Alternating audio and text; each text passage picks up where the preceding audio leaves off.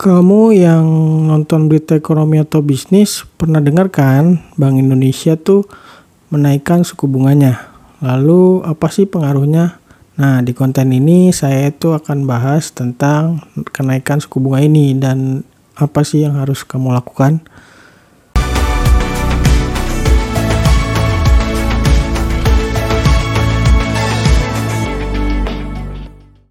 Halo, Aryo di sini ketemu lagi sama saya. Seperti biasa, saya akan membahas seputar investasi, pengelolaan keuangan, dan juga digital marketing. Tujuannya tentu aja untuk bisa bebas finansial. Kali ini saya akan membahas seputar kenaikan suku bunga. Pada tanggal 23 Agustus 2022 kemarin, Bank Indonesia menaikkan suku bunganya. Namun kenaikan itu merupakan hal yang wajar umumnya memang disebabkan karena kondisi tertentu, misalnya kondisi ketika adanya kenaikan inflasi. Sebenarnya, keputusan Bank Indonesia untuk menaikkan suku bunga merupakan respon Bank Indonesia dalam menghadapi kondisi ekonomi saat ini.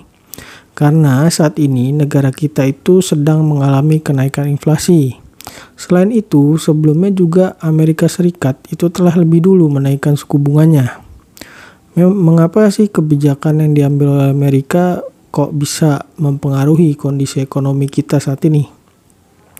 Hal ini disebabkan uh, dunia saat ini tuh sudah saling terkoneksi sehingga apa yang terjadi di negara lain kita pun akan terpengaruh.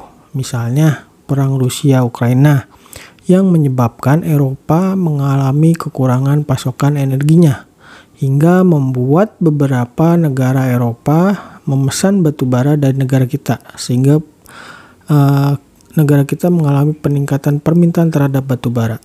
Terus waktu kita melakukan pembatasan CPO yang bikin harga harga harga CPO menjadi naik. Begitu juga dengan kebijakan Amerika yang menaikkan suku bunganya untuk mengatasi tingginya inflasi yang dialami oleh Amerika Serikat dan membuat arus investasi keluar dari negara kita. Selain itu, inflasi yang meningkat juga turut menjadi penyebab Bank Indonesia mengambil langkah ini. Karena suku bunga itu bisa di, karena suku bunga itu bisa dikatakan sebagai alat moneter yang digunakan untuk menjaga kestabilan inflasi. Seperti diketahui, salah satu penyebab inflasi adalah ketika uang yang beredar tumbuh lebih cepat dibandingkan dengan persediaan barang yang dijual di masyarakat. Maka itu dengan kenaikan suku bunga diharapkan bisa menahan pertumbuhan uang yang beredar.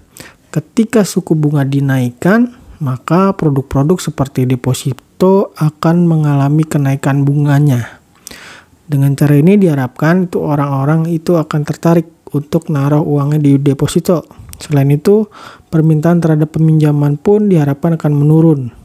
Dengan naiknya suku bunga, maka masyarakat akan lebih memilih untuk menabung dibandingkan harus meminjam uang. Artinya, uang yang beredar pun akan bisa ditekan. Tapi dengan kenaikan suku bunga ini tentu saja ada dampak yang akan terjadi, yaitu beban perusahaan itu tentu saja akan naik. Itu sudah pasti, beban perusahaan akan naik karena kenaikan suku bunga tentu saja akan berpengaruh terhadap bunga pinjaman perusahaan. Maka beban perusahaan menjadi meningkat dari sisi peminjaman. Apalagi bisa dikatakan tidak ada perusahaan di Bursa Efek Indonesia yang tidak memiliki pinjaman. Yang berikutnya adalah cicilan naik. Kenaikan suku bunga tentu aja bung, uh, turut mempengaruhi bunga bank. Jadi mengalami kenaikan. Sehingga cicilan atau kredit pun akan mengalami kenaikan, apalagi kalau kamu punya cicilan di bank konvensional yang biasanya menggunakan bunga mengambang. Dan buat kamu yang punya cicilan rumah atau kendaraan, mungkin kamu harus siap-siap akan mengalami kenaikan jumlah cicilan. Kemudian sektor properti pun akan terkena dampak langsung. Sektor properti jelas merupakan sektor yang terkena dampak langsung karena banyak sekali orang yang membeli rumah atau properti dengan cara mencicil. Sehingga bunga properti seperti KPR tentu aja akan ikut naik.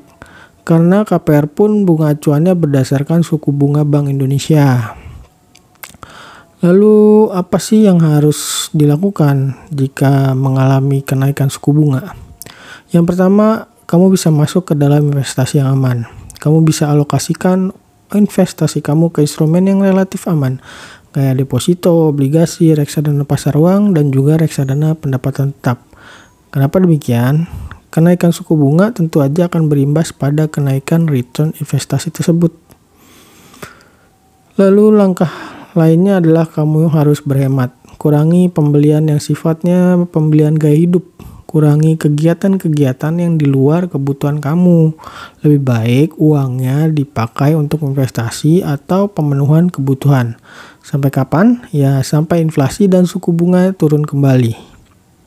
Lalu berikutnya adalah kamu perlu hati-hati dalam investasi saham.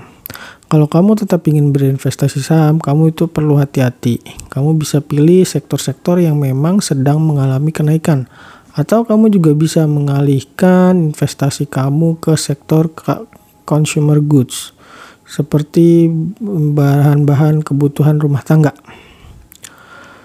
Menaikkan suku bunga itu merupakan kebijakan yang harus diambil oleh pemerintah untuk menghadapi inflasi, apalagi dengan kondisi kenaikan harga seperti harga telur atau bahan bakar.